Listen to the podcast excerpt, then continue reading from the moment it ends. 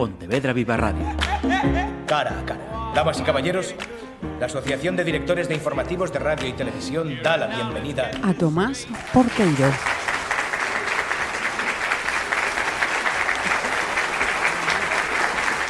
Saudos, que tal? Seguro que xa sabedes. Neboa é eh, un grupo galego que mm, acadou este mesmo mes de xuño o premio o mellor álbum en galego nos premios eh, da música independente. Jacobo, Aloia, Sandra, Lucas e Tomás son os seus integrantes, así que Tomás, benvido e enhoraboa por ese premio. Moitas gracias, nada, encantado de estar aquí. Como foi a recollida? Creo, teño entendido que non todos... Eh... Non todos puidemos por compromisos de distinta índole, pero foron Lucas e, e Sandra eh, deronnos moita envexa, ademais, porque compartiron momentos con músicos que todos admiramos, e, bueno, foi así como unha chegada, non? Aí a industria, que estivo divertido, seguro. Uh -huh. Eu perdina, pero, pero, bueno, gañamos o premio, que foi aí unha satisfacción tremenda. Primeiro LP, e mellor ambu, uh, álbum en galego. Isto é unha sí. estrea ao grande, non? Sí, para nós sempre comentamos, máis que unha estrela é eh, o, o tamén a materialización dun proceso moi longo. Tive, tivemos eh, no 2014-2015, a verdade que xa non recordo, pero creo que 2014 sacamos un EP, bueno, un medio EP, porque son estas cousas que ao final gravas un pouco cos cartos que tes, uh -huh. creo cinco temas, que foi antes da tormenta, que é un disco un pouco distinto, pero que creo que xa satisfaba algunha das direccións que logo colleu a banda, sobre todo en algúns temas de a mistura co conceptos elementos do tradicional, co electrónica. E agora este, este LP, o que pasa é que nos levamos xuntos tocando, tanto en Neua como en outros proxectos paralelos, pois igual 10 anos ou Eh, eu tiña un tanto que en Neboa comezaba no, no 2000, 2012. 2012 creo que uh -huh. nos juntamos ou eu cheguei a, ao ensaio eh, daba, do, do que é aquela formación orixinal creo que estamos Lucas e Gualoya e logo xa foi todo o traxín de eh, movimento de xente ata xa ter un plantel máis máis estable. Uh -huh. Voltando a, aos MIM, eh, un recoñecemento a máis que, que ven avalado pola votación do público que é o que fai a primeira selección, sí. logo ven a, os un votos xurado. do xurado profesional. Supoño que isto tamén é unha, unha doble satisfacción, non? Sí. Gustar ao público, gustar ao xurado. Sí, o, o do público sempre é un pouco pernicioso, non? Esta ¿Mm? democratización, porque ao final tes que estar sexamos honestos, un plan dando a vara xente para que vote, estamos nos premios min nominados, por favor, bote un cable, meter caña nas redes, entón tamén estás medindo o pulso nesa fase da capacidade de convocatoria que teñen as propias bandas, pero bueno, en xeral o público é bastante lexítimo, bastante, non, non é parvo e creo que sabe sabe o que vota. Que escolle, o que vota. Pero tamén hai moito, claro, o sea, moito de tirar de, non, de de de, eh, de contactos próximos, e de eh? dos próximos, de estar aí... O sea, ata creo que tivemos que darnos a dar entre nós os propios miembros do grupo para votar, en plan, porque ao final sempre, joder, outro premio máis, no que hai que votar, pero bueno, en os premios min, que, uh -huh. que é un premio que ten un recoñecemento pois a nivel estatal, digamos, non é unha cousa, é unha cousa xa importante, e gañamos, a verdade é que contra nós non o esperábamos, honestamente. Non, non, non esperábamos, cando estivemos xa nominados, e bueno, pode haber posibilidades, Pero sí, foi, foi unha satisfacción Ajá. estar aí, vamos. Sí, señor. Eh, decía, Neboa comezou no 2012, eh, falabas eh, dese EP 2014 de cambios nos integrantes, pero ata o 2020 non comenzades a, a facer este primeiro LP. Sí, é un o sea, pouco... LP como si disco xa grande, non? Sí, o sea, de, sí, sí. máis de oito temas e tal. Uh -huh. É un pouco sorprendente, non? Neste momento no que parece que o que prima é sacar singles, sacar sí. algo constantemente. Eu creo que nese sentido fomos moi valientes porque hai sempre a tentación, e parece que a norma no mercado é estar sacar singles e simplemente uh -huh. generar contenido, a veces un pouco da igual, non? O sea, hai modelos no que os músicos están funcionando pois indo sacando singles e logo reúnen esos singles nun disco discos que ás veces igual non teñen moita coherencia interna porque realmente foron singles pensados para funcionar como independente. Sí, como es máis dictado pola urxencia estado do mercado. Lucas propuxo do principio, nós todos estivemos de acordo en que queríamos facer un disco da igual logo a repercusión que tivera, non? Como se quedaba nas nosas vitrinas, non? Pero polo menos decir, hostia, queríamos hmm. facer un disco porque eu son unha persoa que sigue escoitando discos e, e non escoito listas de reproducción, non escoito os EPs, os, os singles separados, gustame escoitar o produto completo. O, o disco porque creo que é algo que, que se conceptúa que recolle non un momento creativo, artístico dun grupo de persoas e que se perdeu un pouco nese sentido se volveu un pouco como era nos 50 tamén, non? Que se sacaban singles de rock and roll e tal, pero eu sempre fui máis del EP e, e teño ou polo menos de un EP, de, de facer unha pequena reunión de 4 ou 5 cancións. Uh -huh. Os singles, se son singles, sí, se están conceptuados así, como para sacalos de xeito independiente, pois ben, pero creo que ás veces esa maña de ir sacando singles para logo reunir un disco, bueno, é outro xeito. Nos, como non pensamos tampouco que fora ter a repercusión que tivo o disco, simplemente fixemos dende o, o romanticismo, vamos, pois creo que, que tamén foi o que o que fai que o disco tamén soe honesto, non? Eso é, eso é verdadeiro. Mira, aparte allea ao, o que é a propia música, creo que foi a que máis tempo levou a, fi, a financiación. E que sí mm, quería verse algo moi ambicioso, unha cosuntura ah. ah. a ser alizada isto de, de que coste sacar adiante económicamente un traballo musical? Claro, o sea, ambicioso hoxe en día xa creo que a partir de certa idade eh, digo como músico eh, que estivo a punto de tiralo todo en algún momento, decir isto non ten por onde collelo, non? Eh, ambicioso sempre é, creo, no momento que te planteas sacar un gravar un disco con certa eh, eh, digamos, intención, non facer unha mera reunión de cancións ou, uh -huh. ou reunir grabacións dispersas, non, meterse a, a producir un disco. Foi ambicioso, pero sabíamos que esa ambición tiñámola que ir adaptando presupuestariamente, digamos, en función dos recursos que tivéramos. Eh, empezamos sin un duro, o sea, empezamos simplemente eh, a partir das cancións de Lucas e das ideas que iban chegando, construindo todo toda a paisaxe sonora, non, que queríamos facer. Uh -huh pero eh, tivemos, eh, creo que a clave non foi eh, gañar os premios NARF no 2018, penso. Uh -huh. O sea que o disco xa no 2020, pero isto viñámolo non é que digamos gañando ya desde o sea, iban saindo cancións sabendo que iban ser para un disco, non sabíamos cando, de que xeito, non nos marcábamos plazos tampouco, non? Simplemente iban iban se trando temas Fluindo. que empezaban a ter unha conexión entre eles, un discurso que se podía hilar, non? Eh, gañamos os premios NARF, o segundo premio, Ajá. que eran 2.000 euros, e logo tivemos unha serie de concertos ben pagados medianamente ben, que decidimos eh, reunir para poder facer unha produción que, sendo profesional, segue sendo unha produción de moi baixo presuposto, non nos enganen, enganemos tampouco. Uh -huh. eh, tivemos tamén, bueno, certo apoio, por exemplo, no Náutico Miguel, pois... Eh, Tiñas a que falar agora dixo, diso. To, deixou, no, o sea, foron todas facilidades, non? eh, logramos tamén con Heavy, que é un genio loco uh -huh. que está ali na su, no seu laboratorio.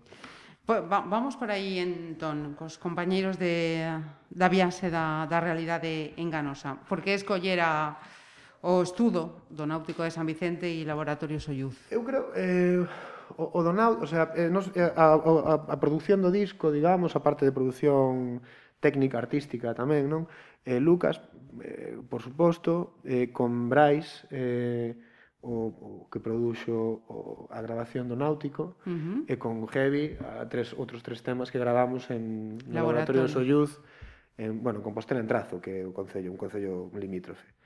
Entón, a, o do Náutico xurdiu como Brais é un técnico que traballa en Madrid, non tiña un estudio propio, e quería, el tiña un período, digamos, eh, que para estar en Galicia, estaba traballando en Madrid, contratado, non sei para que estudio estaba en aquel momento, eh, xusto Miguel estaba como poñendo en funcionamento o estudio, quería, uh -huh. digamos, eh, pues promocionar o que se utilizara, eu coñecía, era igual dos, da, da banda, o que máis trato tiña con Miguel era eu de tocar pois, con sinestesia, con resaca, con outras bandas no náutico, Entón, nada, lanceima, o sea, foi como unha cousa moi natural, en plan, oye Miguel, que estamos aí Preparando. dándolle voltas, e queríamos aí probar a gravar no teu vestido con Neua. Sí, sí, sen problema, nada, decídeme datas e chegamos a un acordo de eh, supoño que tenemos que tocar algún día ou devolverlle o favor dun xeito, eh, porque, bueno, foi todo genial, non? Ah, ir ali en, en novembro, decembro, que é eh, como ir aí a unha especie de paraíso, non, non, nada máis que nós, con...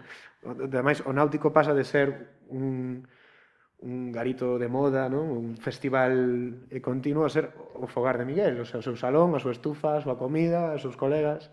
Entón foi un xeito maravilloso, non? Uh -huh. Eu xa estivera ali algunha vez en inverno, vendo algún concerto, e, bueno, náutico en inverno é xa unha experiencia xa maravillosa. Entón, eso foi, Miguel xa foi como moita facilidade para poder gravar en Galicia con alguén que traíamos de fora, non? Eh, eh, despois, eh, Laura, todos ah. tiñamos unha admiración moi potente con, con, con Heavy, polos seus proxectos, con Fluzo, con Malandrómeda, nos parece, digamos, e, e das cousas que saían grabadas do seu estudio, meu que sei, dende Xan Campos no jazz, Ataques Campo no sentido máis pop, e Ortiga, Grande Amor, está producindo realmente do, do underground galego, incluso en cada xénero, as cousas máis para min interesantes ou frescas están saindo do seu das súas mans, non? Entón tiñamos admiración por ele, tiñamos ganas de traballar con el. Ah, e, ah. e nada, chegamos un acordo, ale fomos e gravamos creo que tres temas ali dos, dos eh, dez que compoñen o, o disco. Uh -huh. Cun plantexamento máis distinto, a grabación mm, de Brai son foron dous enfoques distintos, igual de válidos, e sen embargo a conexión entre esas dúas producións pois funcionou moi ben no resultado final. Uh -huh. Entón, pois, pois mellor que mellor. Encantados. Entón, eh, o feito de gravar estes eh, tre, tres temas con laboratorio, despois dos grupos que sinalabas que xa ten pasado por ese estudio e que, se non estou eh, equivocada, tamén están vinculados ao voso sello, o raso. Sí, bueno, claro, por suposto. Eh, claro, nos todo isto fixemos sen sello. Uh -huh. O sea, nos empezamos esta, esta andaina, esta aventura, sen sello. Unha vez que tivemos todo o disco grabado, masterizado, e seguíamos sendo catro, cinco chaiñas que nos quedábamos ali para ensayar eh, na Escola Municipal de Catoira, ali eh, alonxados do mundo, eh, pois raso era unha das opcións, porque creíamos que, que estábamos o que estaba na liña co, co tema de Bayuca tamén, co electrónica ben, uh -huh. vencellada, Bayuca de Catoira, de Catoira tamén. Ajá. Entón, bueno, pues conseguimos facer chegar a Alan o, o disco e dixo que, que pa diante, que, que nos axudaba no que no lanzamento. Ah, Primeiro ah. uh -huh. digital, e logo o lanzamento físico, que máis eu tiña, é unha condición que lle puxen a Lucas, dice, eu embarcome desto se facemos un vinilo, porque eu quero polo menos ter eso feito, non? ter ese disco en vinilo. Uh -huh. Entón xa, digamos, nos fixemos a produción pola nosa conta, e logo todo, digamos, o lanzamento, cando xa tivemos o soporte de raso, que é un sello que, aínda que pequeno,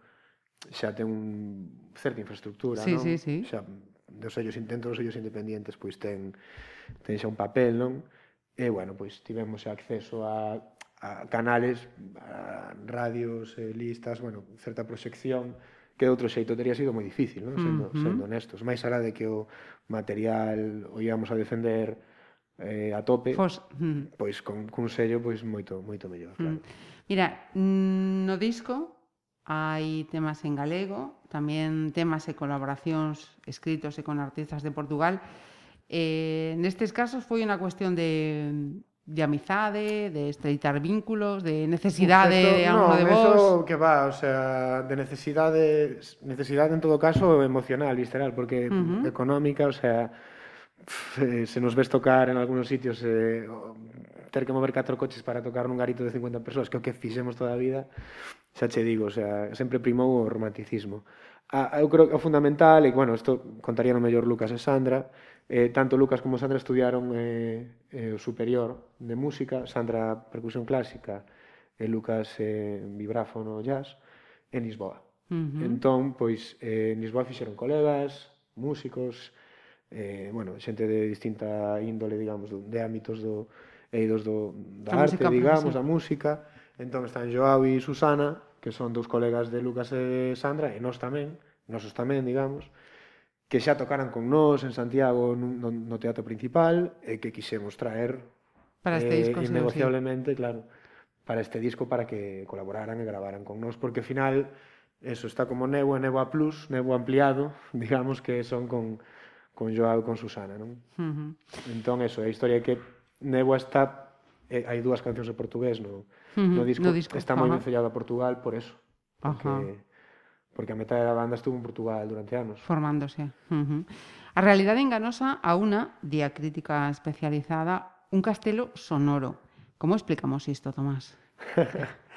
eh, no, no, ahora que non lle fago moito caso as, as críticas, as etiquetas, o de castelo sonoro entendo que, bueno, que hai en Neua unha masa sonora, non? Importante. E creo que sí, que igual eso tamén é produto da, da influencia da electrónica nos últimos tempos, por lado de Lucas máis, e de, de, de entender tamén a construción das texturas, das capas por, por capas superpostas, non por elementos que van aparecendo, desaparecendo, e si que hai temas eh, que teñen, digamos, moita, moito, moito crecendo, non? onde se van su, su, superpoñendo capas, entón, bueno, a metáfora do castillo pode ter, do castelo pode ter sentido, non? O sentido de que o, o sonido vai crecendo, dende a base, a veces dende un fío, dende un, unha nota de vibráfono que entra, un, unha voz eh, que entra limpa e soa, non? E ao final acaba sendo aquel unha un tubo sonoro, non? Entón, creo que, que nese sentido, pois sí. Uh -huh. O traballo cos sintetizadores, os efectos coas guitarras, as texturas cos baixos, que hai baixos que son, mm, digamos, baixo instrumento, baixos que son creados con sintetizadores, entón sí que hai aí unhas moitas frecuencias, dende uh -huh. as máis baixas ás máis agudas, eh, construídas dese xeito, non? Entón uh -huh. hai que son así grande. Como se prevé o verán? Eh, temos algunha data xa fixada, pero non a podo desvelar todavía ata que sexa oficial. Mm. Sempre quixen dicer, decir isto. é o momento. Pero é o momento, sí. Tocaremos, eh, creo que vamos a tocar en Galicia, eh, e seguramente nos poidan ver. Pero mm. bueno, ata que este todo confirmado non quero tampouco columpiarme. Ajá. Eh, é prematuro falar dun segundo LP? Non, eu creo que, o sea, pff, eh, estamos nesto porque no fondo disfrutamos facendo música. O sea, algo que ten máis que ver coa coa necesidade nosa de, de expresarnos que co, coa profesión ou coa, con un traballo, que, que é tamén todo eso, por suposto, non? Pero sei, tanto Lucas como eu, eh, eh, como o resto, estamos eh, sempre compoñendo cancións, pensando en ideas, con proxectos. Entón, espero que sí. De feito, bueno, temos pensado facer un EP Mm, un corta duración de dúas, tres cancións, incluso tal vez editalo, non hai nada fixo todavía, pero bueno, sí que vamos a volver ao estudio a gravar un par de cousas que creo que van a estar moi guai. Este 2021. A volta do verano, creo que empezaremos a pensar na produción dun EP para tal vez 2022, uh -huh. pero sí que xa estamos falando de bueno, un pouco aproveitando o tirón do disco e tiñamos tres cancións ou así que non entraron neste disco por falta de tempo, posiblemente porque igual non entraban neste neste discurso, que queremos agora uh -huh. pois facer un traballo aparte como un EP pequeno, pero algo que tamén teña, digamos, coherencia non interna. Uh -huh.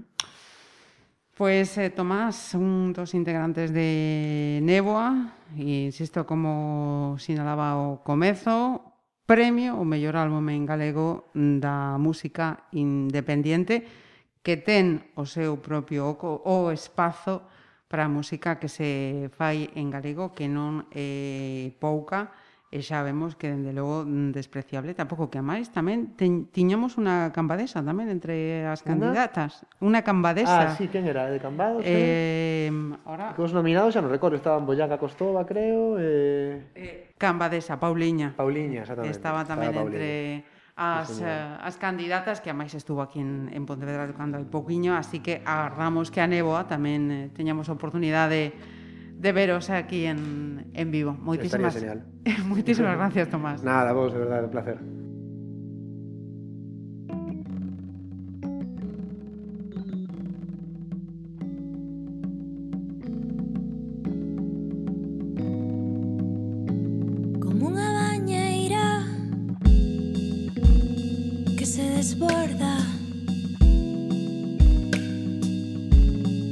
que uncle